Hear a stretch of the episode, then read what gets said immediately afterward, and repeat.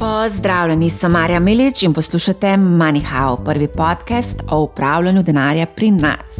V zadnji epizodi pred počitnicami sta z menoj serijski podjetnik Damien Merlak in Andraš Grahek iz Capital Genetics, ki po mojem ne potrebujete neke poglobljene predstavitve. Bila sta namreč že večkrat gosta MoneyHow. Pogovarjali se bomo pa o borznih trgih, recesiji, inflaciji, centralnih bankah, energetski krizi, kriptu, zlatu, ekscesih, verjetno še kaj. Evo, zdravo obema. Živijo. A sem preveč naštela? Ja. A bomo obdelali to v eni uri? Kako bomo to podaljšali? Ne vem, imeli smo enkrat že koliko časa, ne 3-4 ure debat sam nas je bilo malo več. Ja, jaz ne bo baterij zmagal, ja, bo če bo to časa. To je priročen izgovor. Evo, vidiš, to je dobro, vedno imeti na zalogi um, tak izgovor. Dajmen, a gremo kar začeti s tabo. Um, Menda, da si si kupil Bentley za 400 tisoč evrov. Zakaj si si kupil tako drag avto? E, ja, tehnično gledano za rojstni dan, ampak uh, zakaj točno ne vem. Že dolgo časa mi je bil ta avto všeč no, in sem bolj letos razmišljal, da pa mogoče, mogoče pa čas, no, da, da si tudi kupim nekaj, kar mi je všeč enkrat. Enkrat za spremembo tiste Tesle, ki si jo kupil za prvi milijon, ki si jo ja. zdaj dobil. Ja. Uh, čakaj, koliko avtomobilov imaš zdaj vem.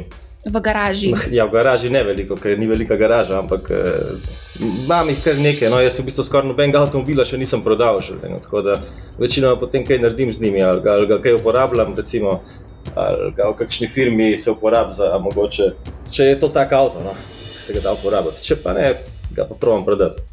Kaj pa se je zgodilo z uno Teslo, sem prodal, ja, avto, ki si ga kupil? Eden redkih, ki sem ga prodal. Ti, Andraška, pa ti, si, si tudi kupil kakšen avto za rojsten dan, ali pa če planiraš, mogoče kakšen tak nakup? Uh, ne, ne, vse najboljše drugače. Ja, to je že dolgo časa. Um, ja. No, le, kakorkoli. ne, ne, ne planiram nakupa avto v tem trenutku. Bom kar ustrajal s tem, kar ga imam zdaj. Enkrat sem se pogovarjala z enim, um, v bistvu je bil upravljalec premoženja, ki mi je povedal, da je najslabša investicija njegova v življenju, ever, nakup avtomobila. ja, odvisen kakšnega. Odvisno spet v katerih časih. Zdaj, v današnjih časih so tudi avti skozi več vredni. Zdaj, ne vem, če je realno, realno, ampak vsaj v absolutni cifri. Market timing je falil. Ja, ja. No, nihče ne predvidel take situacije, kot imamo danes. Misliš, da bo tvoj Bentley čez kakšen let, dve, vreden več? To ne vem, ampak uh, definitivno Lamborghini Urus, ki sem ga kupil dobro leto nazaj, je trenutno vreden isto ali pa mogoče še kakšen evro več, kot, ga, kot, kot sem jaz dal za njega. Ampak to je, to je specifika časa, to zdaj niso normalne razmere. No. To je, je logično, da ni pričakujem, da bo še naprej vreden več. A ti avtomobile imaš tukaj v Sloveniji, ali imaš to v Dubaju ja, v Sloveniji, ali na ja. kakšni drugi lokaciji, za katero ne vem? V Sloveniji, v Sloveniji. to, kar govorimo. Ja. V Dubaju nimam nobenega avtomobila kupljenega, ker enostavno pač uporabljam Uber in take stvari, ker uh, je veliko bolj praktično, kot pa se voziti nekim svojim avtom in potem ga moraš nek parkirati, moraš uh, sam pelati. V Sloveniji pa tega ni, moramo pa sami. No. Vositi na okrog. ja, a pa še en taksi, tega, tega ja, kar nekaj ne more. Ja, ja, vi živite v Ljubljani, jaz ne. Čakaj, ti si zdaj v Portorožu, ne? Se je edina, to je edin moj, edin moj, edina moja nastanitev v Sloveniji, Portorož. Tako da jaz, ko sem tukaj čez poletje, sem um, na obali. In na obali ni tako enostavno vzeti, ne vem, taksi ali pa, ok, se jih pokličeš, ampak spet moraš imeti telefonsko številko, moraš vedeti koga. Moraš, uh, sej, ko, sem, ko sem recimo živel v Kranju, to je bila podobna situacija. Ne moreš kar, ne vem, poklicati ene telefonske in imeti na voljo taksija v 3 zjutraj. Evo, mogoče kakšna ideja za tiste, ki živijo na primorskem oziroma v Kranju, da mogoče odpre taksi službo in ponuja storitev. Um, a kar gremo mogoče na to našo aktualno temo, a gremo najprej obdelati borzo. Tečajnice so letos rdeče obarvane, zdaj dajmo, ti si konec lanskega leta prodal vse investicije, ko smo se pogovarjali, si morda potem v teh zadnjih pocenitvah izkoristil priložnost in mogoče bi kupil kakšno novo naložbo, delnico. Nisem delnice nobene kupil, no, da, ampak eh, igram pa tako nekako eh, splošen market, se pravi, to sem že na zadnje SP 500. Um, zdaj je bil evro dolar aktualen, tako da zdaj imam, zdaj imam končno evre. prvič, prvič, odkar imam denar, imam evre, nimam dolarjev. Tako da zdaj bomo videli, kako se bo odnesla ta odločitev. Drugo pa ne, no. tisto zlato nekako malo uh, akumuliram, dodajam, dolar, ko ste vreče, delam. Druge stvari pa še nobene nisem, no. da bi nek, nekaj zares kupil, da bi šel kakšno delnico ali kripto ali karkoli. Ne. Zdaj si omenil ful zanimivih stvari, evro, dolar, pariteta, ne, to smo videli zdaj, izenačenje praktično. Uh, mislim, da je bilo, ko smo se na zadnje pogovarjali, si rekel, da kupuješ evre. Ja. Vse zato je zdaj, zdaj sem do konca. Olin. Zdaj si ja. do konca, Olin. Kaj pa se je zgodilo s tem zlatom? Rekl si, da boš zaščitil celotno svoje premoženje eh, z zlatom. To nek uh, dolar cost averaging, delam tako, da nekako gradim eno, eno, eno pozicijo. Ja, zdaj zlato je niže, kot je bil recimo v zadnjih mesecih, ampak uh, to, je, to je tudi strategija, ki jo lahko vsak posameznik dela, ko, ko nekaj kupuje. Če, to, če kupuješ na na, na nek daljši rok, pa vsak mesec kupiš enako količino, in v bistvu tudi kljub temu, da je šla cena dol. Je to neka dobra tolažba, je to, da si neko povprečje znižuješ ne, na kupno. Andraš, povej. Kaj pa ne povem?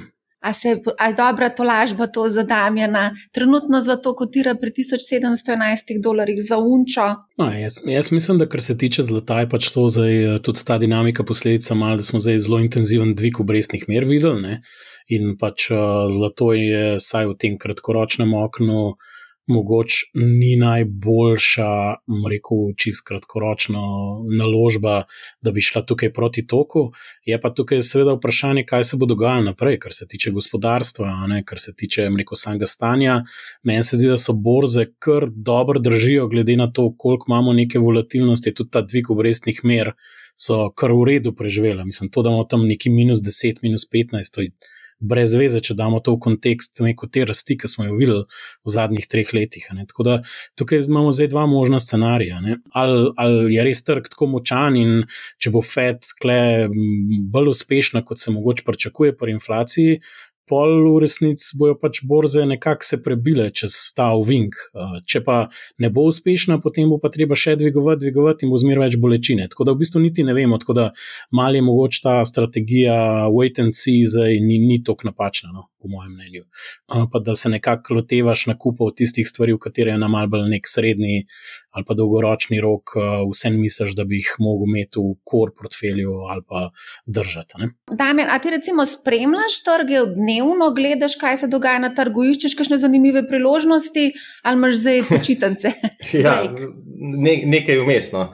Spremljam, ja, ampak ne toliko kot kot to delam čez zimo. Recimo. Ampak se to ne zaradi poletja, ampak enostavno je taka situacija, da ne iščem nekih posameznih delnic. Igram celoten trg, ampak to delam bolj tako, malo na pol za hobi, no, ne za neko resno stvar trenutno. Zato, ker enostavno težko, nimam občutka, da je zdaj neka prava, zdaj pa šansa, zdaj pa treba kupiti no, zdaj gremo pa nazaj gor. Pač mora se, mislim, da še kakšna stvar zgoditi. No. Kaj pa ti praviš, Andraš, ti mogoče si pozoren na kakšno delnico, si mogoče bolj aktiven, mogoče sam kupuješ kaj? Nisem tako aktiven, delno sem že naredil, kar sem, že pri tem prvem nekem, rekel, tem sunku navzdol ali pa drawdownu. Iskreno povedano, pa se zadnji mesec niti ni prišlo do tako nekih dramatičnih premikov, no, rekel, zdaj, karkoli kar pač gledaš. Ne.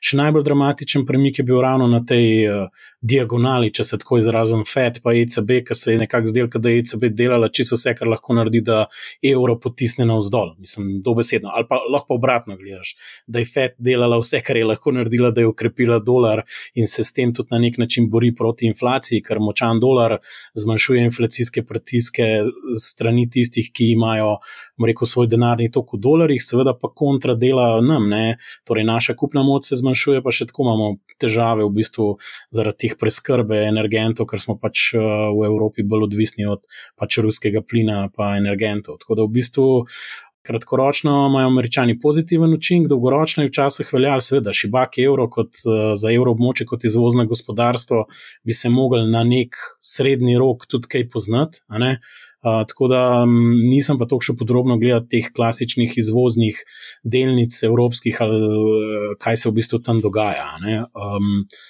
tako da, lej, Uh, jaz mislim, da ta neka latentnost ECB-ja je bila pač že sama po sebi povzročila, da je šel evro točno v tisto smer, ki je bilo pričakovano. Ne. Ja, sej, ko gledamo Evropo, se vidi, da je v bistvu energetika kar precej profitirala. Mislim, da je bila to ena redkih panog v letošnjem letu, ki je beležila dvomestno rast, oziroma je bila edina panoga, ki je beležila dvomestno um, rast. Ena zanimiva zadeva je, ko smo analizirali Evropo in pa panoge, uh, padla je ven v bistvu ena panoga, ki je sicer umazana panoga in sicer gre za obrambno industrijo. Tukaj so nekatere delnice kar precej poskočile. Um, tudi za več kot 100 odstotkov v letošnjem letu. Kaj si vidva mislite o tej panogi, orožarski oziroma obrambni. Vse države praktično napovedujejo, da bodo povečevale v bistvu izdatke v BDP-ju za obrambo. Zdaj, nekako to je umazana panoga, načeloma večji institucionalni vlagatelji naj ne bi investirali v to panogo, ampak vidimo pa, da konec koncev pod črto te delnice beležijo zelo, zelo lepo rast v letošnjem letu. Kdo?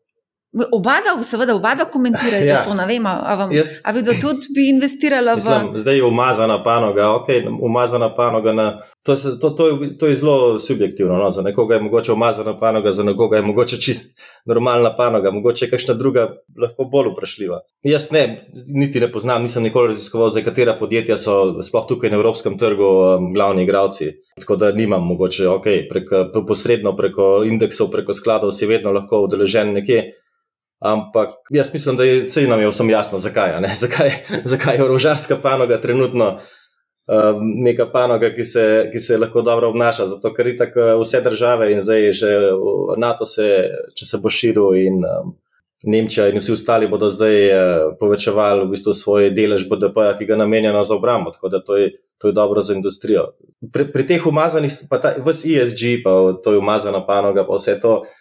Za nekoga je, ampak vedno bo donos bo nekaj realen, ker, ker vedno bodo nekateri kupci, ki bodo pa to vzeli. No, okay, če, če, če, če, če ti nisi pripravljen vzeti, ali pa Andraš ni pripravljen vzeti, bom pa jaz mogoče vzel ta delnica za, za, za dober donos. In, in tako svet funkcionira, vedno se najde nekdo, ki bo to vzel. Lahko, lahko je um, 90% investitorjev bolj papežnih kot papeža, ampak 10% jih bo pa vzelo tobačna podjetja in vse, vse kar bo pač dovoljeno, ne, kar ni prepovedano. Je, je za nekoga ok. Vse, kar prinaša v bistvu lep donos. Ne? Kaj pa ti misliš, Andraš? Konkretno v ESG-u, energetiki, pa teh umazanih panogah ali kako? Ja, konkretno recimo v obrambni industriji, pač kot veš, lepo rast so beležili. Zdaj, helikopter, ja. le mi mene leti. Glasen je umazan in še obramben, da se malo pohecam. To ne vem, če je obramben, mogoče je reševalen. No, uh, mislim, da malo negiramo sploh stanje, v katerem si živimo. Na papirju bi radi pač ne vem, kaj dosegli. Vemo, da imamo aspiracije in želje, mogoče uh, kaj doseči, kaj, kako se obnaša do okolja, do ljudi in gor dol, ampak na koncu smo vsi krvavi pod kožo, to je prva stvar. Torej, vprašanje je, koliko spoštujemo te pravila, to je eno. Dve je pa to, da smo popolnoma zanemarili, da kakršna koli sprememba se ne zgodi čez noč in da je pač potrebno tudi nek razumen načrt prehoda narediti. In zlasti pri energetiki se je to zelo, zelo lepo pokazalo, ne, kar se tega tiče, in se vidimo, kje je bila Nemčija, glede njihovih nekih zelenih ciljev, tudi z, z uh, zeleno stranko v koaliciji notrne, in vemo, o čem se danes pogovarja. Zdaj bo pa nekdo rekel: ja, kdo pa bi vedel, da bo vojna v Ukrajini in da bo Rusija na tak način izvajala neke, rekel, apetite, ki jih ima. Mislim, ja in ne. Vsekakor je bilo pa, mislim, da sem se še ne par mesecev nazaj kregal neki po LinkedIn-u z eno osebo, ki sem rekel, da ni zdravo, da kar prenehamo popolnoma investirati v vrtine naftne in sem bil obtožen, kako v bistvu ne želim, ne vem, zelenega prehoda stimulirati, ne vem, kakšne stvari. Šlo se pa ravno zato, da v bistvu, če želiš to narediti, moraš ti energetski miks za nekimi smiselnimi strateškimi koraki načrtovati, ker je to vprašanje dolgoročne preskrbe ekonomije in ne moreš ti kar reči, jutri od jutra naprej pa nečesa ne bomo počeli. Ne? In se mi zdi, da tukaj predvsem. Velikega hrupa in kričanja, nekih, ne vem, malo schizofrenih načinov, kako se pogovarjamo, na koncu, uh, bom pa tako rekel, je pa treba to v praksi izvesti. In klej mislim, da je ta, ta konc, ta energetika ni sam trešila nazaj, eh, rekel tem prilagajanjem cenovnih ravni zaradi pač neke eh, rusko-ukrajinske krize, ampak je trešila zaradi kroničnih podinvesticij v umestnem času, kjer se niti ni zagotovil uh, replacementa, rekel proizvodne. To pomeni obnavljanje nekih virov, če tudi na isti ravni, pa celo nižji. Ne? Tako da se mi zdi, da že vse od korone imamo neke valove, kjer se neki sektori dvigujejo in potem parabolično spuščajo dol. In smo videli to tipično. Ne. Ali lahko sam tle uskočim, kako, kakšno pa mnenje o, o energetiki? Zdaj, kot rečeno, imeli smo res lepo rast v letošnjem letu. Nekateri, ko gledam razne te napovedi, analize, vidijo tukaj še priložnost za rast. Kaj pa, kaj pa vidva menita o tej uh, panogi, Damjan, mogoče, če, če ti boš mogoče, kaj se poglabljal v to panogo, te zanima to sploh, bi investiral v energetiko? Ja, sej sem, sej sem na nek način. Aj, seveda. Ja, to, energe, za energetika vse je, je, je zelo široka. Ne? Energetika je in črpanje nafte in proizvodna solarnih panelov, to je vse neka energetika. Ne? Zdaj, Sorry, jaz sem čist nekaj v glavi imela to umazano panogo, ja. imaš pa prav. Ja. Vem, da si investiral v en gen. Ne? Mislim, sigurno, sej, to vsi podpiramo. Jaz tudi zato, delno zato investiram, delno zato, ker je um, pač čist investicijska priložnost, eh, se mi zdela dobra. Ampak sej, vsi želimo iti v to smer. Sej, jaz, jaz dvomim, da je na svetu ogromno ljudi, ki zdaj nekje sedi in govori, mi pa želimo, da vso nafto počrpamo, dokler jo je, pa čim več zakurmo, čim hitreje. Um, Sami eni ljudje sploh tisti, ki so malo bolj poučeni iz tega področja, se zavedajo neke realnosti, drugi ljudje so pa politiki, recimo, na nekem uh, položaju in ogromno enega populizma se tam zganja, in, uh, in tega se pa, po mojem, še veliko dogajalo. Se tudi pri nas zdaj vidimo, kaj se je dogajalo z, recimo, z gorivom, pa z te, te, torej, regulacijo cen, pa zdaj se spet pripravljajo nove. In, in več, ko se teh regulacij dogaja, več problemov se v bistvu zgenerira na, na, na, na samem trgu, ker bolj nekako. Uh, popačiš celoten trg no, s, temi, s temi prisilnimi cenami. Ja, to, to imaš pa prav. To smo se pa glih prejšnji teden pogovarjali. Sem se pogovarjal z Ale, Alešem Zupančičem, ki je prav povedal, da ko pride do nekih o, intervencij v neki panogi, da je čas za umik oziroma za neinvestiranje v to ja. panogo. Mislim, ker energijo treba nekje kupiti. Ne? Mi, mi, ne zna, mi, mi nimamo svoje nafte tukaj v Sloveniji. Zdaj, če nekdo reče, cena na benzinskem servisu je lahko evro in pol. Če je na svetovnih trgih 2 evra, recimo liter, odkje bo zdaj to prišlo? Lahko je ni, pa je po evro in ja. pol, ampak je ni na voljo, ali pa nekdo mora plačati 50 centov razlike, zato da jo jaz tankam za evro in pol. Ker uh, tujec ne bo nafte prodal Sloveniji za evro in pol, je bo za 2. Če je še 2, recimo, ja, cena na nekje na svetovnih trgih. Zdaj, naš um, premijer Robert Golob ima zelo ambiciozne načrte.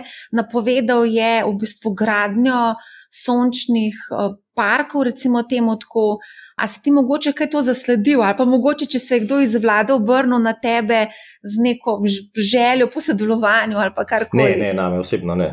Um, lahko, pa, je, lahko pa, da se je kdo pogovarjal pač znotraj podjetja, Engen ali, ali kdorkoli, da se je kaj dogajalo, ampak nisem, nisem do te mere upleten, da bi bil seznanjen, da se že karkoli odvija. Vse vlada je še leda stopla, vlada je v bistvu to so zdaj samo še neki plani, ideje, kaj bi se v prihodnosti delalo. Zelo ambiciozni načrti. Zdaj v tem tednu naj bi celo predstavili finančno konstrukcijo, kako bodo vse to naredili. Tako da bomo videli, ne? mi zdaj v bistvu čakamo to, to finančno konstrukcijo, ker plani so pa res ambiciozni od uh, gospoda uh, Roberta Goloba. Andraž, da bi ti povedal za energetiko, kako ti gledaš na to panogo? Se pravi, jaz mislim, da so tukaj neki cikli se dogajajo. Zdaj, ne, zdaj, najbolj, najbolj nas boli, zato ker smo prišli z neke ravni cene energentov zdaj na neko višjo raven. Predvsem elektrika in plin je šla pač uh, through the roof, bi se temu rekli. Ampak če pa pogledamo recimo nafto ali pa naftni trg, pa se mi smo na ravneh, ki smo bili šest let nazaj, se, se je tam svalkala nafta okrog 100, 100 dolarjev, kar nekaj časa, pa noben ni skakal z balkona dol, po domač povedano. To, to je tudi jaz malo, zmeraj pravim, da imamo malo v koncept, eh, kje smo bili. Pa je prišla korona, pa smo imeli uno točko, ki je negativna nafta zaradi uh, rolloverjev stroškov na futuresih, ne, pa smo šli gor, ne, zdaj smo nekje klen okrog teh stopa, mogoče neka premija za neka geopolitične napetosti. Ne, tako da to je zdaj nafta. Ne, zdaj, ko pa gledamo evropski plin pa elektriko, ne, to je pa pač ogromno tudi elektrike, se proizvaja iz plina na plinskih elektrarnah in Evropa je pač v nekem specifičnem položaju. In Rusija, kle super to karto igra, ne, sej kaj pa je, cena plina je šla eh, krat, ne vem, štiri, ne, torej tudi če prodajo pol manj volumna, so dvakrat več zaslužila. Ne. Tako da, mislim, to, to so zdaj neke igrice, ne zdaj v teoriji, če kar naenkrat vaše jabolka so petkrat dražja, zdaj po teoriji, da jih lahko tudi skladišče, da jim tako reč, ne, zdaj zakaj se vi naprezali, ne plačujejo. Ne. Tako da pač pravim, ne, to je treba malo tudi dati v nek kontekst in razumeti, kje smo. To ne pomeni, da bo to neskončno trajalo, je pa res, da je to lahko katalizator za to, da se nekdo zbudi in reče: Ah, to bi renesančni moment, uh, zdaj bomo pa mi v Sloveniji končno obnovljive vire nekaj zagnali. Ne, zdaj bomo tako rekel, pol smo imeli isto, uh, uh, možnosti fizičnih isto, da gradimo solarne parke, samo zdaj nam je eno jabolko, kot po Newtonsko, mal padlo na glavo in zdaj bomo to začeli delati. Ne. Mislim, ja, dajmo prosim, sam na gas, sej. Ja, od besed k dejanjem ponovadi je pot lahko zelo, zelo dolga. Okay, a gremo se dotakniti uh, regij. Oziroma, um, zdaj, da me res spomnim, ker sem te sprašvala za Evropo, nikoli nisi bil prav preveč naklonjen uh, pač Evropi. Ne spomnim se točno tvojih besed, ampak vem, da si neki muzej omenjal, zdaj se pa ne spomnim.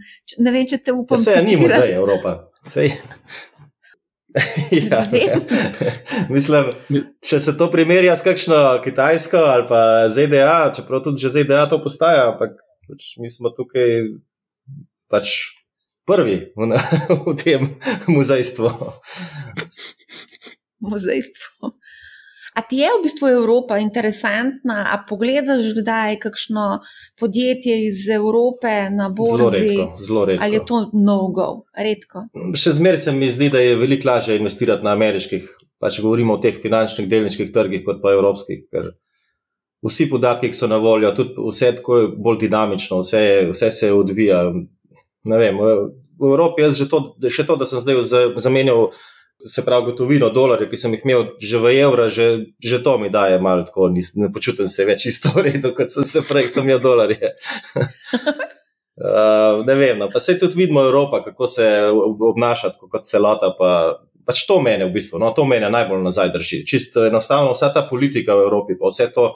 Enostaven, pač zavedam se, da, da evropska politika je sposobna narediti, ne vem, nepredstavljive stvari, kar se, kar se tiče gospodarstva in financ in vsega. In, in zdaj to v Sloveniji smo že veliko stvari videli v zadnjih desetletjih, v Evropi se pa isto dogaja. Sej, recimo konkretno to, kar je z Rusijo, pa kako se Evropa odziva na to, pa kaj počne, pa sam sebe strelja v nogo, ok, sej moralno gledano, a ne moraš nekaj narediti ali nekaj pokazati, nekaj dati od sebe, ampak po drugi strani pa nimaš nobene konkretne moči, vsaj v, v tej trenutni situaciji si, si zelo um, um, brez, brez neke, samo, samo groziš lahko, no, ampak v bistvu pa sam sebi najbolj škodiš. Predvsem. Zdi se mi, da Amerika zna veliko bolj za svoje lastne interese poskrbeti in to so zadnjih sto let eh, vedno znali in verjetno bodo še nekaj časa naprej. Zato je nekako boljše investirati tja, kjer, kjer bo vsaj celota nekako postala ne bo šlo nekaj hodov na robe, ker uh, že v podjetjih samih tako lahko gre, ampak vsaj nočeš, da to, kar je nad podjetji, ne razpade na razen vse skupaj. Kaj pa Kitajska, ti je zanimiva, ki gledaš kitajsko podjetje?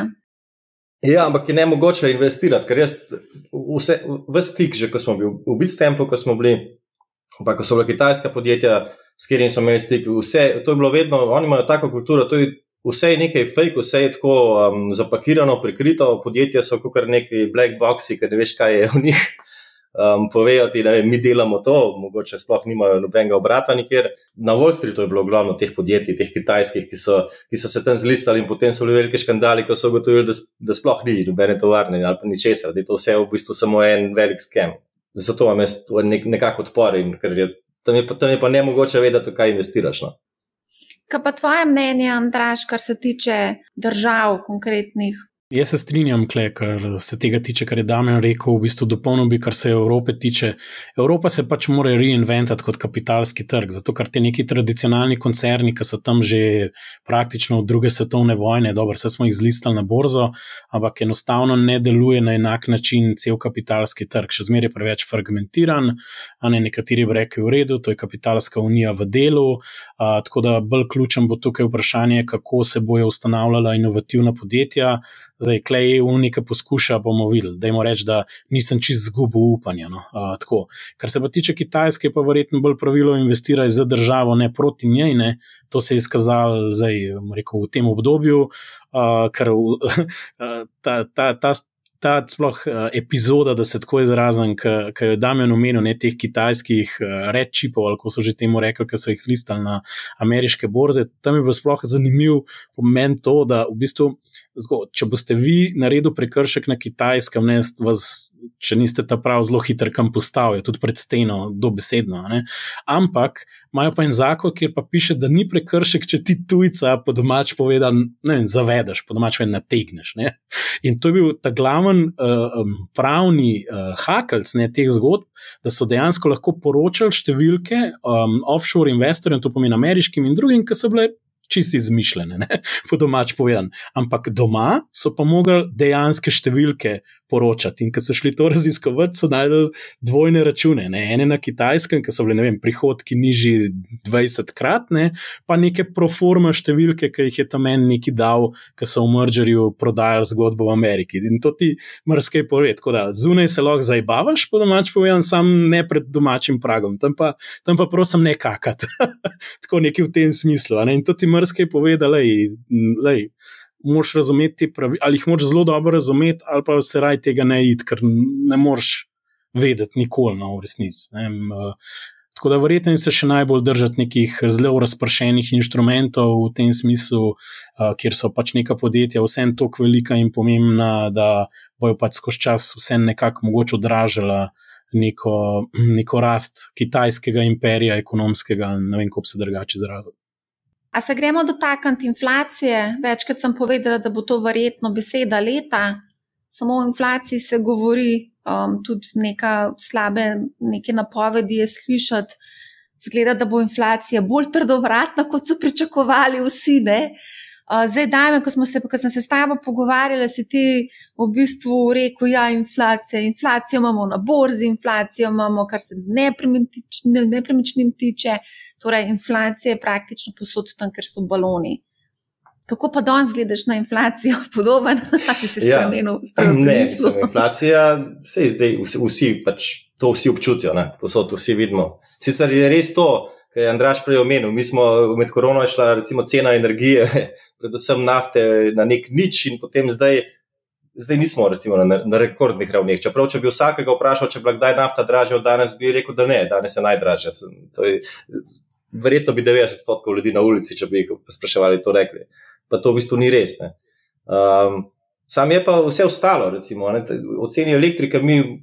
Pred 2021 ni nihče govoril, da je bila problematična. To je bila cena elektrike, sploh nihče ni pomislil, da se kaj spremenja. To je pač ena cena, je in taka je. Um, Danes, eh, danes se vsi pogovarjajo o tem, sploh eh, poslovni um, odjemalci.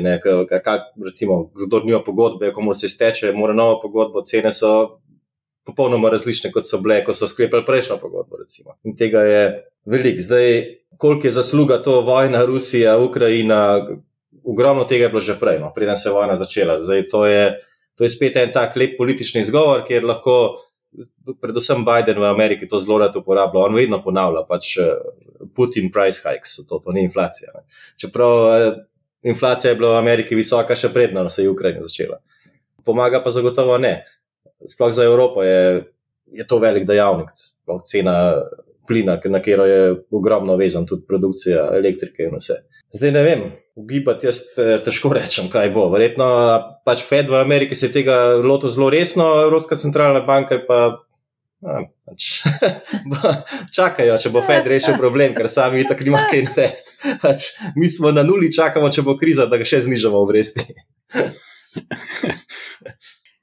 Čakaj, z ECB pa centralne banke, to bomo mečkaj kasneje. Dej sam tole, zdaj, ki omenjaš cena elektrike in tako dalje. Zdaj, terminske pogodbe za eno leto naprej kažejo, da je cena elektrike tam pri 400 evrih za megavatno uro.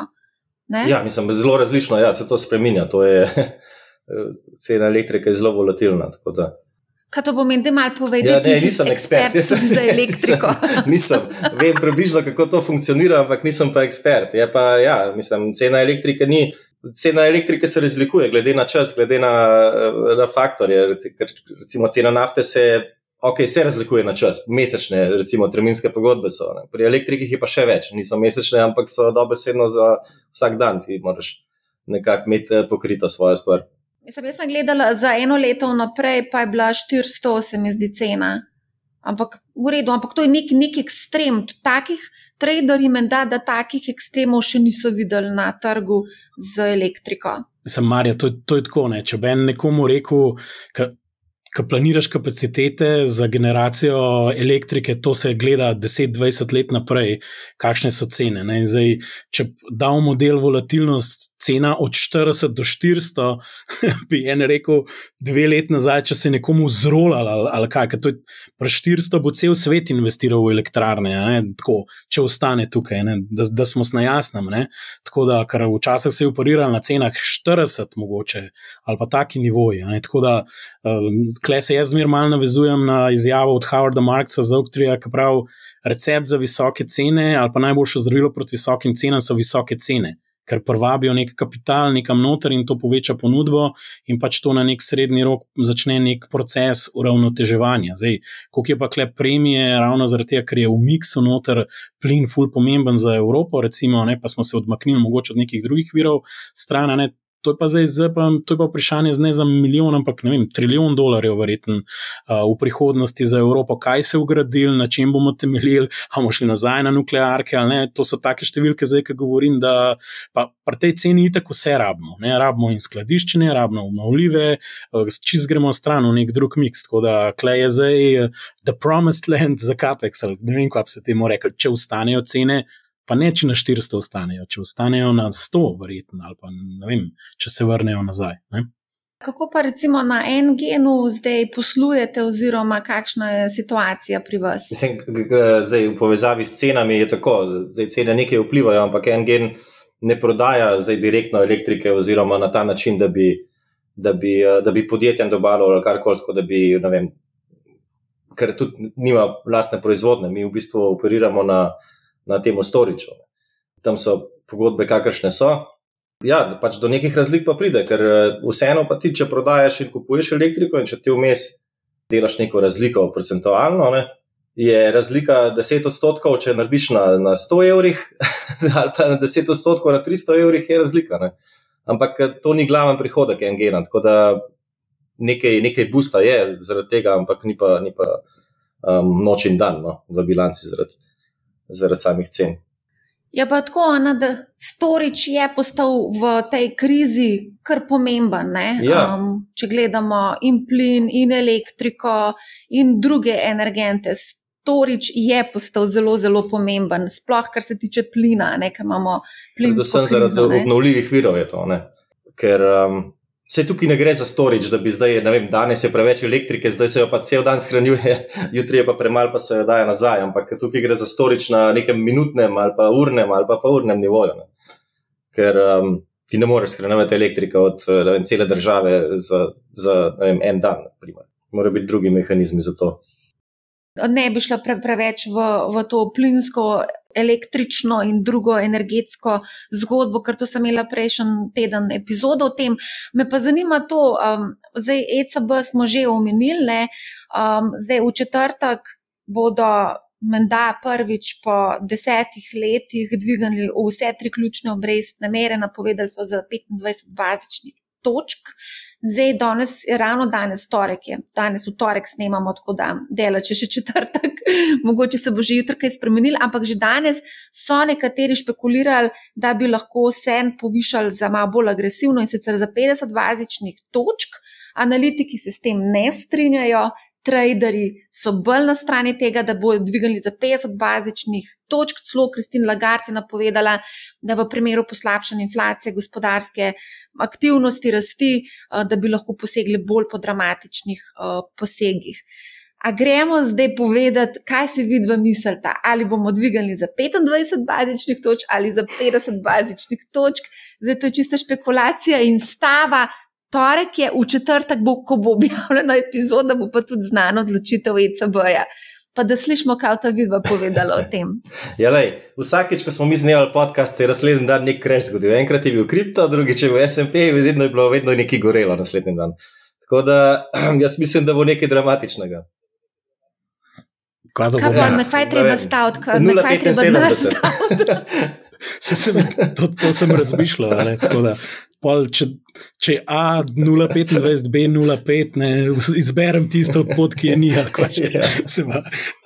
Ja, jaz bil tudi v kampu, da pač največ, kar so napovedali, odvigano. Ja, jaz, ne, jaz realno, da, se, bo kaj, kaj, kaj, da bo kaj dramatičnega naredil, ne, ECB ne. Ampak jaz mislim, da meni je tako bizarno, da se pač te stvari pogovarjajo. Mi imamo inflacijo 7 odstotkov. In zdaj se, se pogovarjajo o tem, da se bo zgodilo dvig za 0,25, pa smo, še, smo zdaj na nuli, a smo še vedno negativni. Se ne vem. Ampak recimo nula. In zdaj se pogovarjamo, da je 0,5, dramatično 0,25, je pa tako, tako mogoče kaj kje zagori že. Še ne vem, kak, um, kak, pač tako bizarno. Če, če, če nekdo meni zdaj da neomejeno denarja, inflacija je 7% in jaz mu plačujem, ne vem, ok, še pribitek banke, ne, 2 odstotka. Jaz pač vzamem vse, kar, lahko, kar nekdo da, ker, ker, ker zaslužiš 5% na leto samo zato, da si na denar izposodiš. Ne. Um, Mislim, pač to ni normalno, pač nek narobe svet je to. No. Narobe svet, ki ga vodi v bistvu, narobe Evropa na svet. To v bistvu ne določa trg, kdo si denar sposodi, ampak obstaja neka pravila, neki zakoni, moraš biti to. Če želiš kupiti nepremičnino, neomejeno denarja lahko dobiš. Pa karikiramo. Ne. Če pa želiš, ne vem, razvijati nek posel, pa je lahko zelo, pa ne, ne dobiš nikjer denarja. Moraš pa, dobro, se to itak ni posel bank, da bodo zdaj financirale um, start-up, ampak hočem dati za primer, da obresti so sicer nula, ampak nekdo ti bo povedal, kakšne pogoje moraš izpolnjevati. Ni to za vsakega, to je samo za nekatere, da na voljo. Ja, za tiste, ki imajo dobro idejo. ja, ali pa redno službo. ali pa redno službo. Jaz se kar nekaj slovenskih podjetnikov je v bistvu najelo potrošniški kredit, pri banki, zato da je lahko v bistvu financiral svoj podjetniški projekt. To smo videli celo kar nekaj uspešnih slovenskih start-upov in na tak način začeli s potrošniškim kreditom, osebnim potrošniškim kreditom. Se, Andraš, to ti verjetno bolj poznaš, ker si bolj v tej sceni doma. Ja, kaj naj rečem, to so oni izhodi v sili, ki vržeš vse in tudi kuhinjsko korito. Pa, kako že točen urisak, je en problem, pa, pa kar vse bečejo, pa odžagajo strap, pa hišo razvotirajo. Ja, to je pač pro, to je problem tega, da pač ta trg ni razvit, sploh ne v Sloveniji, tako kot bi moral biti. Pač imamo neko stanje, ne glede na to, da smo članica OCD, kakršnega imamo, in pač ljudje se morajo znajti po, po kapljicah se malo izboljšuje, ampak it's not good enough, bi temu rekel.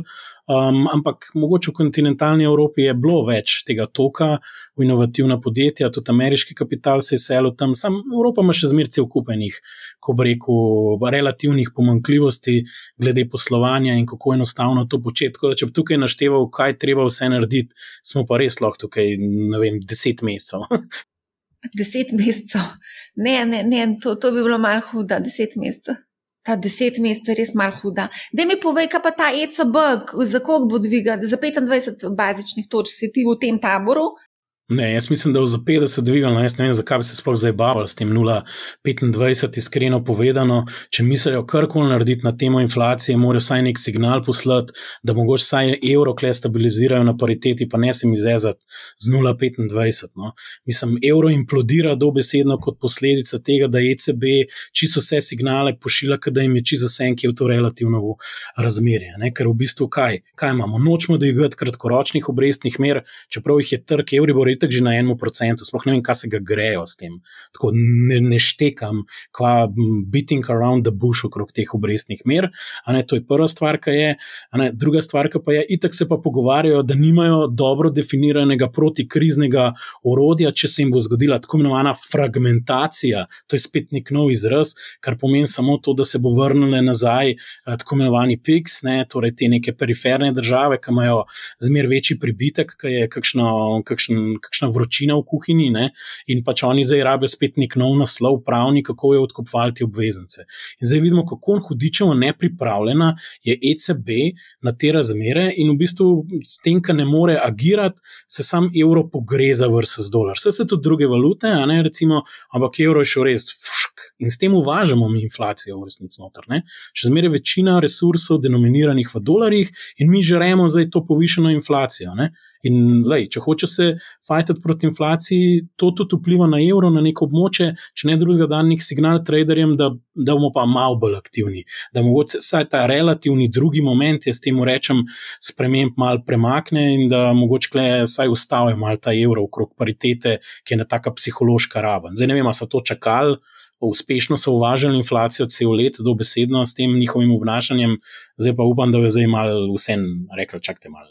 Ja. Še, še to moram prav povedati. Danes sem brala en članek na Bloombergu, 60 centralnih bank po svetu je letos v enkratnem šusu dvigalo za vsaj 50 bazičnih točk. Tako da to, kar je napovedala ECB 25, je.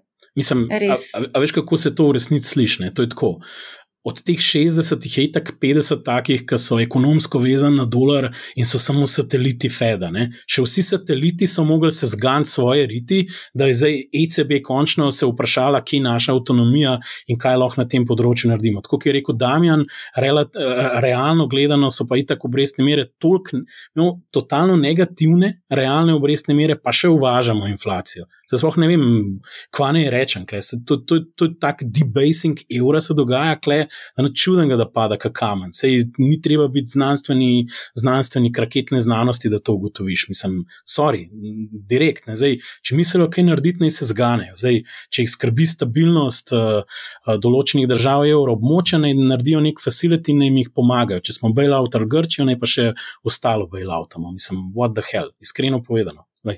Ja. Ja. Danes smo se tudi pogovarjali z Blažom Brodnjakom iz NLB, ki je v bistvu dosti podoben povedal, mislim, sicer v lepši obliki, ne v Adahelju. Ne, če smo tukaj, če sem bil preveč direkten. tudi ne, da 25 je uno, da s tem v bistvu ne, reš, ne rešiš praktično tisto, kar hočeš rešiti, in to so te inflacijski pritiski. Kaj pa recimo FED, ne, oni, pa, oni imajo pa zasedanje konec meseca, oni so pa nekatere, nekatere špekulacije, so, da, da bi celo dvigali za 100 bazičnih točk. ECB 25, FED 100. Ja, mislim, FED je že kar nekaj naredil. Ne? Zdaj, mislim, ok, zdaj za ameriški delniški trg se je kar stabiliziral no, v zadnjem mesecu, je zdaj nekako nek sideways market in bo, bomo videli. No, jaz mislim, da mogoče, mogoče v Ameriki niti ni potreba, da, da zdaj neki še ful bolj agresivno nastopijo, kot že nastopajo. Mogoče lahko samo to, kar imajo po planu, pelajo. Zdaj ECB pa v bistvu še le mora nekaj sploh začeti početi, ker do zdaj niso še nič naredili, samo, samo, samo gledali so. Jaz mislim, da so vsi potihem upali, da bo itak Amerika Fed, da bo to zadost in da se bo inflacija umirila in potem bodo itak posod umirjena. Sej, če je energetika in če vse neha rast, potem tudi ostalim ni treba več nič narediti. Ampak, ampak do danes se še ni to zgodilo in zdaj, zdaj morajo tudi oni, po mojem, začeti. No? Po mojem, mislim, da so kar že zamudili vlak. Um, bomo pa, po mojem, vse, vsi čutili te posledice, te neodločenosti ECB-ja. Kaj pa recesija? Zdaj, nekateri podatki že kažejo, da so ZDA v tehnični recesiji. To pomeni dva zaporedna kvartala, BDP je sta negativna.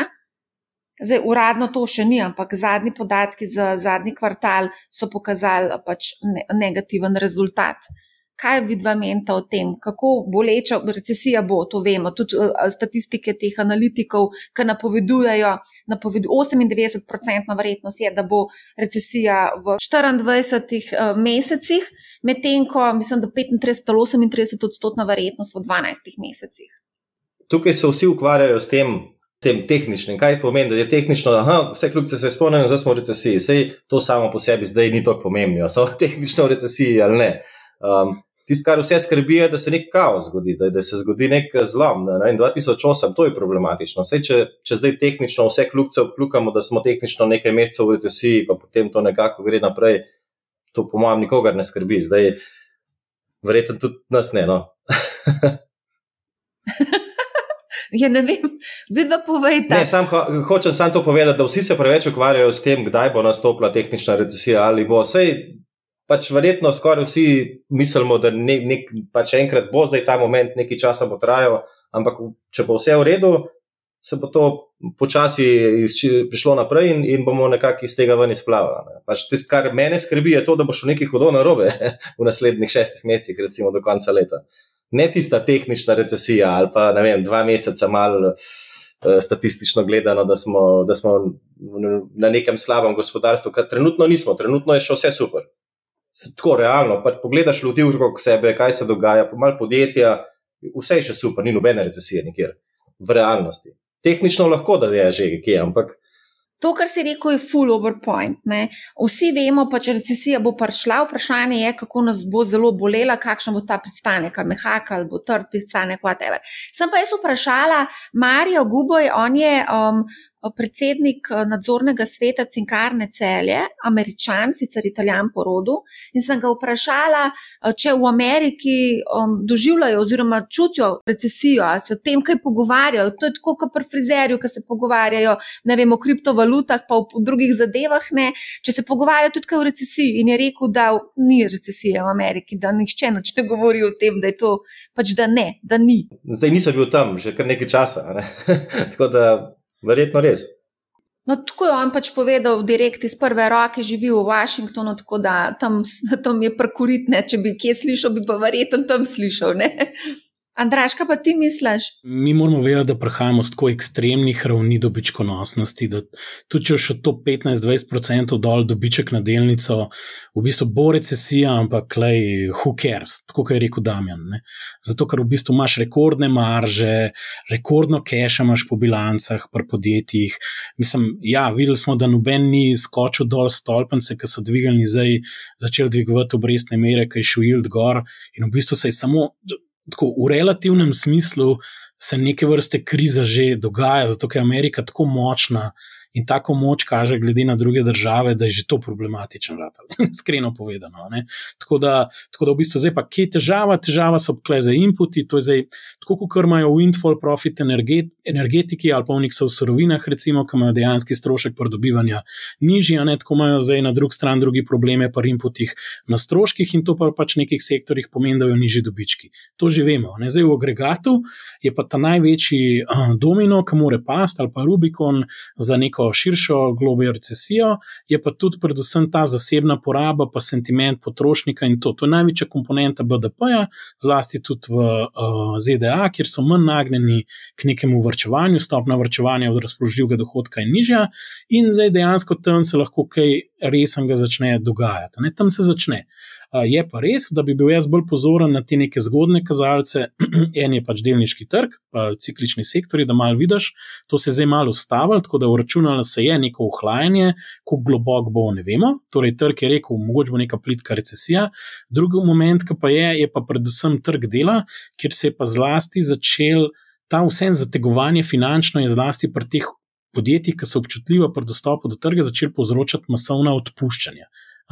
In tudi pri raznih večjih koncernih se je to začelo dogajati. In pri američanih itek ni, dokler trg dela ne useka, noben ne neha zapravljati. No, mislim, to, to so moje neke. Tako da, klej, to ta, ta zasebna poraba, pa ta konc je pa zakrivuljo preden folk pogrunta, itak tudi, čez, tudi, tudi danes v Sloveniji, če nekdo da nekomu odpoved, bo itak še nekaj časa trajal, preden se v to v statistiki pokazali, pa še nismo niti začeli. Tako da, maybe, maybe tukaj pač neko vprašanje, kje dolgoročno so podjetja, um, kako so postavljena, uh, koliko kapitala se lahko zgubijo tisti, ki so investirali. Imeli smo recimo massive haircut na evaluaciji, recimo določenih startupov, Klarna, ne? smo šli z 40-45 milijard na šest pri manj v šestih mesecih, zdaj pa PR-ovsko, ja, se smo bili nižji dva, dve let nazaj, tako da je še zmeraj ok, kao, ampak samo pač pravim, ne, pač neki ekscesi so in zdaj dobra stvar je mogoče, da se čistijo in ne na tako dramatičen način. Če gre pa mogoče ta zviševanje obrestnih mer, pa se na kreditnem krču začne kaj dogajati, Recimo, bom sam razložil. Zelo relativno dobro so, je ta rekel, kreditni trg preživel, pa tudi razne entitete, znižanje uh, vrednosti obveznice. Uh, Um, zdaj, če se pa to nadaljuje naprej in traja dlje časa, bi pa lahko ta bolečina se začela povečevati v odstotku stečajev in drugih stvari. Tam se pa začne ponovadi kuhati, ker kaj enkrat finančni sektor začnejo bilance se tresti, tam se pol, to, to je pol un contagion, ki pride na equity market, ker je lasniški kapital je v bistvu vi vse odštejete v pasivi in pridete na koliko na, na koncu lastnikov ostane. Zdaj, če je dolg kar naenkrat dražji, ali pa ga nekdo ne more servisirati, tudi na koncu manj ostane lastnikov. No? Tako da to ne moramo negirati. Ni, ni tako, da pač, uh, je deniški trg neki čist ločen segment v nekem kontejnerju, ki ni odvisen od obvezneškega kreditnega trga. Tako da, ampak zaenkrat tako remarkably dobro razgleda trg, glede na to, kako hitro so dvigovali obrestne mere v ZDA. To pomeni, da je relativno dosti zalog, uh, po moje, um, v, v nekih, ko reko, warchestih podjetij.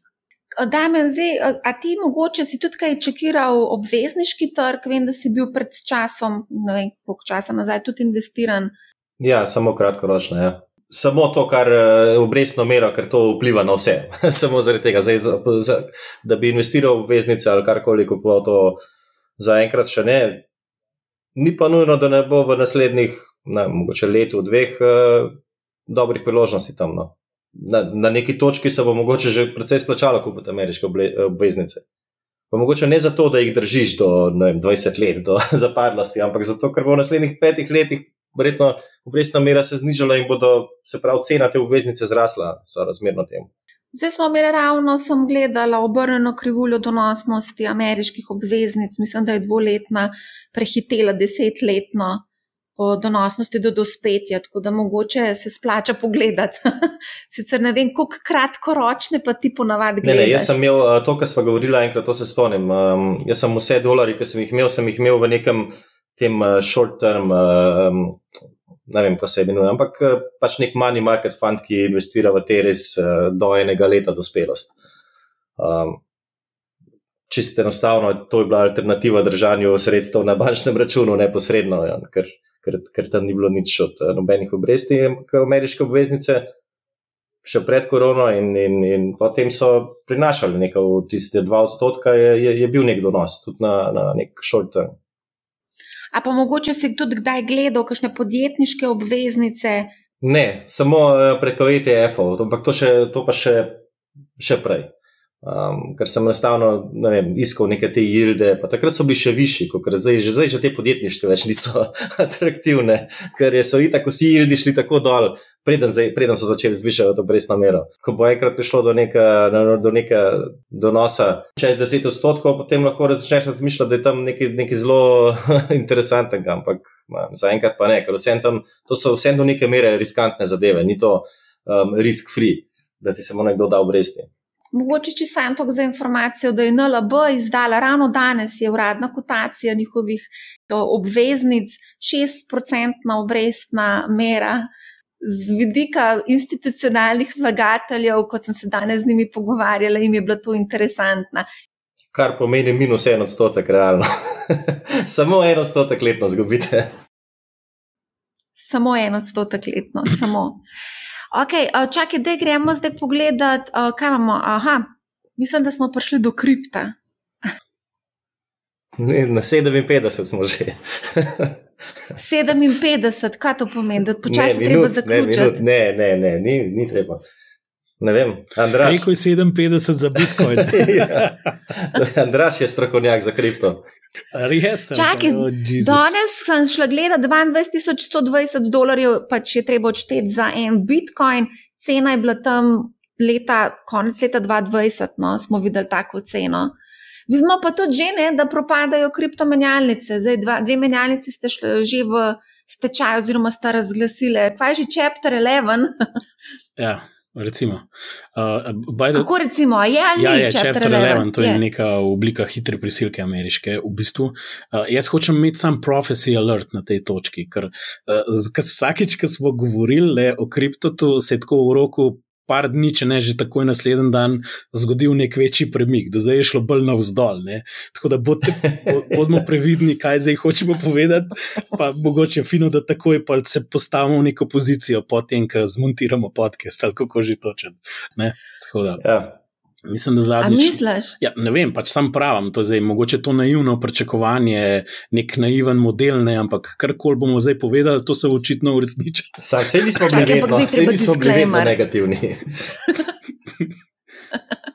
ne, ne nujno, ja, ampak uh, ne vem, največ slave je bilo tam.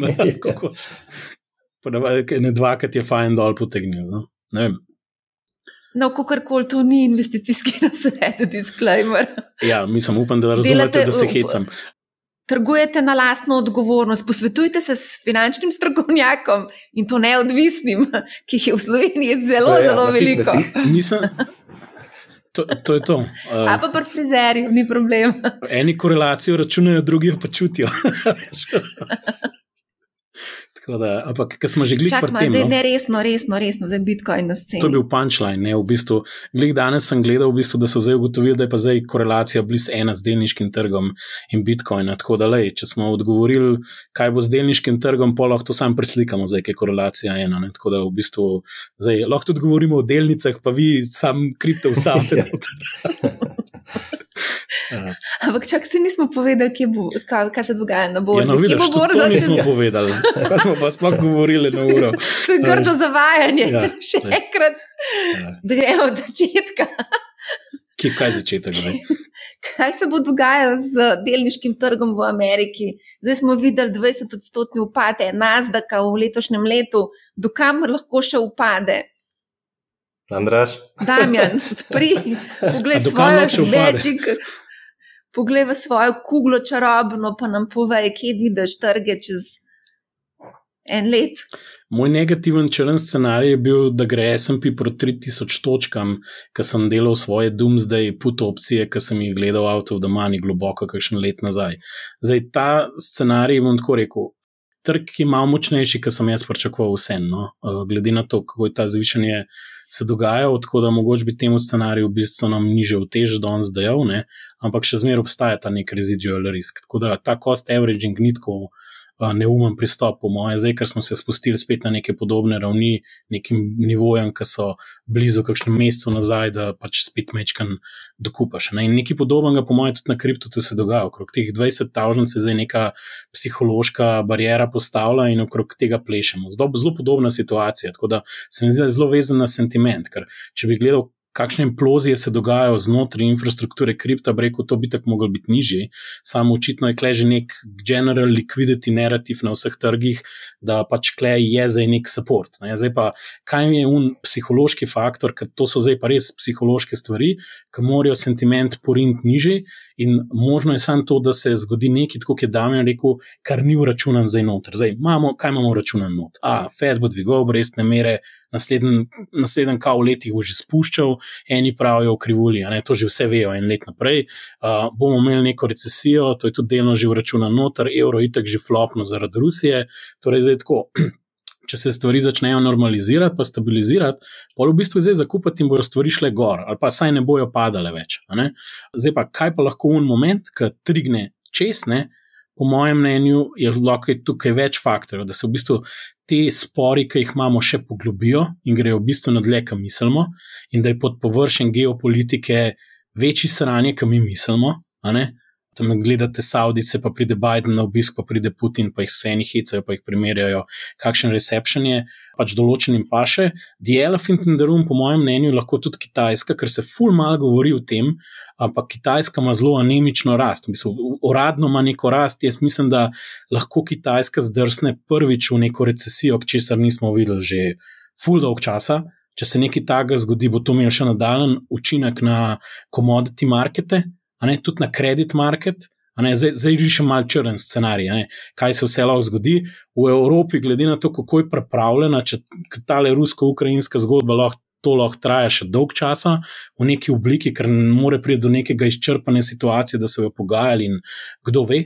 Tako da se mi zdi, da tukaj se more ta geopolitika videti kot nek razlog, zakaj lahko se stvari še poslabšajo. In nihče niti ni tako pripravljen na to. Mislijo vsi, da zdaj je to to, imamo sicer težave z energenti, ampak v, v bistvu ne bo nič hujšega, ne bo neke globije recesije, ne v kreditnega krča, ne vse v to neko finančno krizo razplamtele stvari. Jaz mislim, da to je ta problem, ki to se lahko zgodi, da gre nižje. No? Um, no, za koliko nižje, da še to povej? Ja, to šlo 20-30% še nižje, če se to zgodi. To v nek, uh, from, from, ja, jaz mislim, da se mora to zgoditi v naslednje pol leta se mora to odviti. Zato, ker mi gledamo naprej 12 mesecev, trg uračunavati neke scenarije in more se stvari zakuhati, kar pomeni, da če hočemo biti nižji konc leta, moramo videti zelo črno naslednje cele leto in neke probleme, ki nimajo definitivne rešitve, ali pa saj ne vidimo, da v en z magično palčko prišel in jih rešil čez noč čez. To, to, to v bistvu se mora zgoditi. Da, menj pa ti, kako pa ti razmišljaš? Ja, jaz imam, jaz imam isto nekako um, v glavi neko to obdobje do konca leta. Če, če, če do konca leta preživimo nek sideways market, potem, potem smo mogoče ok. In um, Andrej je spostavil kar nekaj stvari, ki lahko grejo na robe, ali pa se še bolj poglobijo. Jaz bi mogoče samo dodal to, da Uh, vsa ta predikcija, ne, kako bo šlo, zdaj Fed bo še malo povišal, potem bo pa naslednje leto že začne zniževati, vse to sloni na tem, da se zdaj inflacija umiri. Recimo na podlagi tega, kar Fed že počne, pa mogoče še ne par, par povišan um, obrestne mere izvede in potem bi se morala na neki, na neki točki bi se morala krivulja inflacije začeti dol. Jaz, jaz bi dodal ta riziko, da, da pride, da se, da se nekako ne v naslednjih šestih mesecih to ne zgodi, ker um, potem bo treba na, nastopiti še bolj agresivno na nek način iz strani Feda in um, to verjeten bi um, uh, prav tako v bistvu poslali no, tečaje konkretno na vzdolj, ker nekak, jaz mislim, da trg zdaj malo uh, špekulira in nekako kalkuliral, da mogoče, mogoče bi zdaj, mogoče že za nami, ne vem, najhujši um, podatek o inflaciji, ali pa ne, mogoče še en mesec, ampak potem nekako do jeseni, pa mislim, da že vsi pričakujejo, da bi se morala ta številka začeti umirjati. Če pa se ne, bo pa to lahko sprožilo novo paniko na trgu, ampak ta panika se potem štarta iz trenutnih levelov, ne iz tam, kjer smo bili prej. Zdaj smo mi, vsi imamo fulenga denarja ne? in zdaj čakamo na. Pač na pravi trenutek za vstop na trg. Ne. To dobivam pogosto vprašanje. Mar se kdo v bistvu ki se nekako amatersko ukvarja z investiranjem, ne, sedaj razmišlja, bom jaz še mal počakal. Ne. In ta mal počakal traja pri njih lahko mal velik čas, recimo deset let, ne, pri nas je pa vse mogoče mal drugače. Da je dajmo ti povesti, ti kaj živčen, ko imaš toliko denarja za nalagarju in ga nimaš investiranega. Če se ukvarjaš s financami, je v bistvu ta čas vedno predstavlja nek, nek, nek, nek, nek si živčen zaradi tega, ker veš, da če se zavedaš, da v bistvu se tudi to inflacija, tudi prej, prej je bila inflacija, ampak že način, kako se meri, ni čist realen, za, vsaj za mene ali pa za marsikoga. In, in, in tako se vedno zavedaš, da če, recimo, zdaj, prej smo govorili o avtih. Zdaj, če kupuješ, ne vem, avto ranga, kot sem ga jaz kupil, to so zdaj 300-400 tisoč evrov, to so zdaj normalne številke za take avtomobile. Vem, pet let nazaj, katero avto pet let nazaj je bil 300-400 tisoč evrov? Pač, tako, v takih realnih stvarih se vprašamo. En, um, pred kratkim sem gledal en, um, en dokumentarec na YouTubu, glede na, na temo te inflacije in financ. In je imel en zelo dober primer, ko je imel hišo svojih še, vem, starih staršev in je, bila, in je imel tam neko staro pogodbo, ne vem, pred več kot 50, 70, 80, ne vem, koliko leti, nekaj takega. In je bila tam cena na tej pogodbi. Ne? In potem, koliko je ta hiša vredna danes, in on, če je na, na vsa ta leta to razporedil, je prišel do, do številka 6 odstotkov letno. Za, za vse zadnjo dobo. In kdaj je bila uradna inflacija, vse v zadnjih 80 letih 6 odstotkov letno? Ne? Statistično vrati nikoli ni zračunal 6, zdaj je, je ekstremno. Tako da ja, zdaj, Če, če, kdor ima neko, neko, nek znesek, ki za njega nekaj pomeni, pa je ta znesek nekega banke ali nekaj, bi moral biti živčen. Če ni živčen, potem je, ni dost finančno izobražen, da bi, da, bi, da bi se znal odzvati na to. Jaz gledam na ta denar, ki zdaj nič ne dela in čaka na to, da bo investiran. um, gledam, kot da ni v službi, kot da ne dela, ne? kot da lenarija. Ne? Težko je no, izbrati zdaj to ali počakati, ali pa um, iti v neko investicijo v, v trenutnih razmerah, ki so čisto nore. No. A lahko, recimo, a, a razmišljaš v, v, v načinu, da bi sistematično recimo, plasiral določen odstotek denarja, pa vsem tudi danes na trg? Če govorimo o borzi, ja, je to možno. Ne? Če pa govorimo o nekih o investicijah, borzi, ja. ki pridejo tako v življenje, privatne ali so to eh, podjetja, projekti, nepremičnine, potem pa vsem moram imeti, no, samo vsem to logiko, da nek denar imam, pa kljub temu, da vem, da izgublja vrednost, ampak ga imam zato, ker ker eh, v življenju ti pridejo neke stvari, eh, ali, ali so to ljudje, ki pridejo z neko idejo, z nekim projektom, ali ti, tako so prišli na enem hoteli eh, v Bohinju, tako je prišel Engin. Tega nisem jaz iskal namensko, da bi to našel, ampak to je našlo mene in ti, takrat moraš biti pripravljen, da to vzameš. Če nimaš takrat denarja, lahko pač priložnost je prišla, ampak nimam kaj z njo narediti. Kako pa ti, Andraš, gledaš na to? A si kaj živčen najprej, ko imaš denar na lagarju in ti noč ne dela, oziroma čaka na priložnosti? Ne, niti ne, zato ker sem se zavestno odločil, kot je rekel Damien, da imam pač neki sredstvo v likvidni in kratkoročni obliki. Lahko rečemo, da sem na kratkem koncu krivulje. To ima seveda svoj strošek, to čakanje, ampak po drugi strani, če misliš, da bo šla volatilnost gor, je to nek upravičen način, ker to pomeni, če bi bil v drugem premoženju in se ta volatilnost dvigne, mi bo bolj zanihal kot to, kjer sem zdaj. Sej, rekel, tam bomo in inflacijo, in še padel mi bo, Tako, če, če že moramo to igro sejiti, realnih eh, številk. Tako da, eh, tako da vprašanje, po mojem, je enega miksa, če si bolj oportunističen in ta nek cikl, nek swing eh, gledaš. Če pa gledaš dolgoročno, ne, je pa sam težava to, da pač te ljudje, ki se prvič soočajo z delniškim trgom, ne razumejo emocij, ki se dogajajo, ki se volatilnost spremenja in ki se sentiment spremenja. Ne? In za njih je bolj, da pač ta cost averaging delajo in dolgoročno gledajo in pač ostajajo v neki relativno. Rekel, v nekem zlatem središču ETF-ov, pasivne strategije, ki imaš blue chipe, ker blue chipi dejansko so delniški, delniški blue chipi najboljši hedge proti inflaciji na dolgi rok, kakorkoli gledaš imajo neke monopolne položaje, dober denarni tok, lahko cene uh, prevalijo na končne porabnike. Izkazalo se je, da skozi čas, če tukaj reinvestiraš, boš dobil v povprečju več, saj kot, kot je merjena inflacija. Dajmo temu tako reči. Pač zmer so bila neka obdobja, ki čistko ni bilo, ampak tako, na dolgi rok to ni bil slab inflation hedge. Bistveno boljši kot zlato. Zato je recimo zelo slab inflation hedge na dolga obdobja, ker je skozi neki intervencije, gor dol, nikoli ne veš, kaj bo, pa oni se spomnijo, da bi ga neki zasegali, pa se neki skregajo, tako skozi je neki gor dol. Ne? Ampak to zgodbo so prodali. Ne? Zato je za me boljši, uh, ko bi rekel, financial crisis hedge, bolj na to zgodbo, ker je vse cugrund, bi se temu rekli, da jim se vrniti nazaj v, v, v ta nek uh, mentalen kot. Tako da v bistvu, tako da tudi v nekem portfelju portfelju, ki je danes miks, da si malo bolj konzervativen na delnicah, vse nekaj dokupuješ, imaš nekaj v denarju, tudi mogoče taktično nekaj.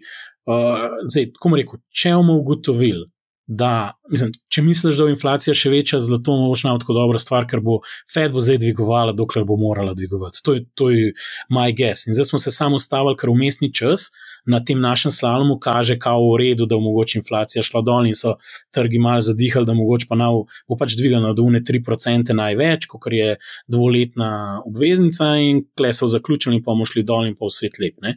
Zdaj pa, če se je zakompliciralo, da je inflacija ustrajna, ima ogromno prostora, da še zmer dviguje, hkrati se lahko pa druge v svetu zakomplicira, ko je pa američani rekli, it's not my problem v resnici. Kva imate vi v Evropi, kva imajo Kitajci, vse je super, da imate vi probleme, bomo pač mi pol ki so te vi vsi zdeflacionirali, pa govorim na naložbah, ne, na vrednosti esetov, bomo mi prišli pa bomo začeli kupovati na vaš način. Da, pa so Sej. američani na zadnje rekli, Andraš, it's not my problem, no, vedno najdejo nek razlog, da se vtaknejo v. Ne, ne, čak. Govorim, da problem ECB-ja in kako se obnaša, in to, da evro pada, ni njihov problem. Ne?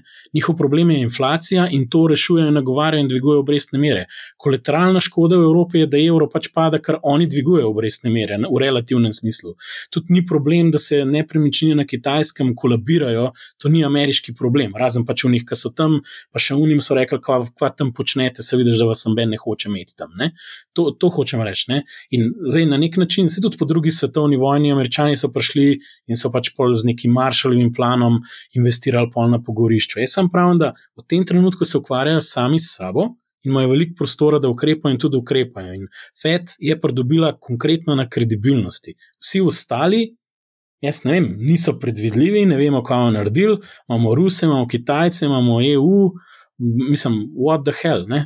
80 centralnih bank po svetu je že dvignilo ključne obrestne mere, razen ECB. Ja. Mislim, da so vse, vseh teh 80 bank centralnih je Ampak, bolj verodostojnih kot pa ECB. Za tem prekinu. Mogoče to govori o avtonomnosti ECB-ja, ki ne sledi američanom, niso ja, njihovi gospodi. Švicarska centralna banka ja. je dvignila, ki imajo nič, najnižjo inflacijo v Evropi. Ja.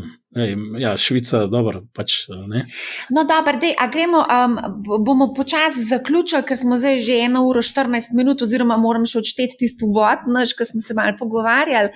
Pa dajmo, uh, mogoče samo to, da me vsakeč, ko se s tabo pogovarjam, imaš neke zgodbice, neke primere iz Dubaja ali iz, ne vem, kje, iz, iz, ne vem, kje, o ekscesnih cenah, a mogoče kakšen eksces se dogaja, kje pa da bi lahko delil ga z nami. Aj, zakaj, mi, zakaj mi prej tega ne poveš? Jaz sem lahko to razmislil, ne morem se. um, kaj je? Mislim, se, se lahko malo razmisliš, ni čist, problem. To je čisto resen stvar od tega tedna. Jaz zdaj se. Um, konec meseca grem na Hrvaško, spet malo za um, ne, deset dni na, um, na jahto. In recimo. To sem te hotela vprašati, kje je tvoja jahta letos? Čaka, zdaj, konec julija, imam uh, planirano. No, in zdaj letos je prvič, prvič treba nekako se malo orientirati, um, kam, kam bi kateri dan šli, ker je očitno taka zasedenost na Hrvaškem na morju, da je v bistvu treba toliko naprej stvari rezervirati, priveze in vse, da ne moreš se kar za en dan naprej. in ker to je bilo prej možno, prej si, ne vem, si recimo, jutri gremo tja, čez dva dni gremo tja, zdaj pa treba to vse planirati naprej. Um, kaj to pomeni, da zdaj se, ne vem, odkje, pač dobro, ne si vsak sam razlaga. Ej, sam to mi povej, um, a cena za najem je malo višja. Taka, kot je bila lani, malo višja. Malo višja za isto jahto, ki je dve leti starejša, kot je bila dve leti nazaj, danes malo višja, kot je bila dve leti nazaj. Zdaj pa, kako to statistični urad kalkulira? Dve leti starejša jahta, eh, pet odstotkov višja cena, recimo, kaj to pomeni? Sto, eh, eh, kakšna inflacija je to? Ti ne vem, bomo poslali to vprašanje statističnemu uradu, da nam bo mal pomagal pri izračunu tega. Ja, v redu, no, jaz sem bila pa prav v skrbeh, se, kaj se je s tvojo jahtico zgodilo. Boš letos šel ali ne boš? Ampak grem za manj časa, ne grem za dva tedna, grem samo za, za devet dni, no, kar je en teden. Mogoče, mogoče pol si še naknadno, ampak zaenkrat imamo v planu samo en teden in to je to. A je s kakšnim posebnim razlogom, da si skrajšal? Samo to je bilo še na voljo. no, se to. Slišala, slišala sem, da je že vse zasedeno. Ja, ker sem se en mesec nazaj se jaz to zmislil, jaz nikoli to vnaprej preveč ne planiram. Ne, sej verjetno bi, sej so, mislim, jaz sem pač uh, kontaktiral to, ki sem jo že vsako leto do sedaj vzel in, in so imeli ta termin, sem rekel, ok, vzamem ta, ta termin, ne bom kompliciral. Uh, zdaj, če bi pa iskal kakšno drugo, verjetno bi dobil kakšno drugo, ne vem, kot bi želel, če bi se potrudil. Ampak mi to bilo ok, sem jim odgovarjal, nisem, nisem potem raziskoval. A to je edini tak, ki ti pade na pamet, zdaj eksces, če lahko temu rečemo eksces. Je vse je v bistvu vse, vse zasedanje, Hrvaška je čisto ja, vse. To je znak, to je, to je znak nek, nek, neke splošne potrošnje ljudi. Ja ne? Jaz mislim, nekaj let nazaj, že, če si ti recimo lastnik neke take motorne jahte in nekaj let nazaj. Ni bilo to kar zagotovo, da boš ti kar zafilal sezono. Pač si se mogel potruditi, si plačaš provizije, oglašuješ vse. Danes je to vse pobrano, sploh nima veze, kdo jo ima, je lahko vse polno. Kaj pa ta tvoj prijatelj iz Dubaja, ki je kupil dva Lamborghini, kaj pa je z njim, a jih je že prodal ali je kupil še ta tretjega mogoče? Ne, mislim, da ne. ne. Mogoče ima še kakšnega novega, ampak nisem eh, zadnje čase, nisem um, tako eh, v navezi, da bi, da, da, da bi bil na tekočem. Andraš, a boš ti tudi o kakšnem ekscesu lahko povedal, ima si kaj opazil, kakšno ekscesno dejanje? Da zaključimo malo lahkotno. Ti si preveč resen, Andraš, moraš se malo. teh, teh ekscesov imaš, kar jih hočeš. No. Mislim, jaz se bolj spominjam tistih lepih časov, ko smo imeli pandemijo, pa smo lahko potovali po letališčih, pa so bila, pa so bila parkirišča čist prazna, pa letališče je bilo prazno, pa nobene gužve ni bilo na letališču, ne, pa na plaži ni bilo nobene gužve. Sicer smo cel kupenih papirjev, pa testiram pa gor, no, ampak le. To je zdaj zelo pa čisti ekstrem v, v drugo smer. Um, in mislim, da tudi posledica tega, da je pač tok zaloge, skozi katero se kur, ki se je nabrala, tudi pri porabnikih, pa prebivalstvu, zdaj pa seveda inflacija je pa še dober način, kako dvigneš tam mal priveze, pa naviješ zgodbo, ne, ali kako koli pa že. Ne. Tako da bolj bo zanimivo videti, kaj v naslednjem letu, ker jaz se zmeraj hecam, da se je, če Evropa muzej, se demografija se pa ni obrnila na glavo, ne zdaj, klele, v, v ne vem, zadnjih letih ni rodno šla the roof, ali pa še tudi to ne bilo niti neke veze igralo v končni fazi pri tem. Tako da se mi zdi, da pač malo živimo še v nekem indijanskem poletju, ekonomskem.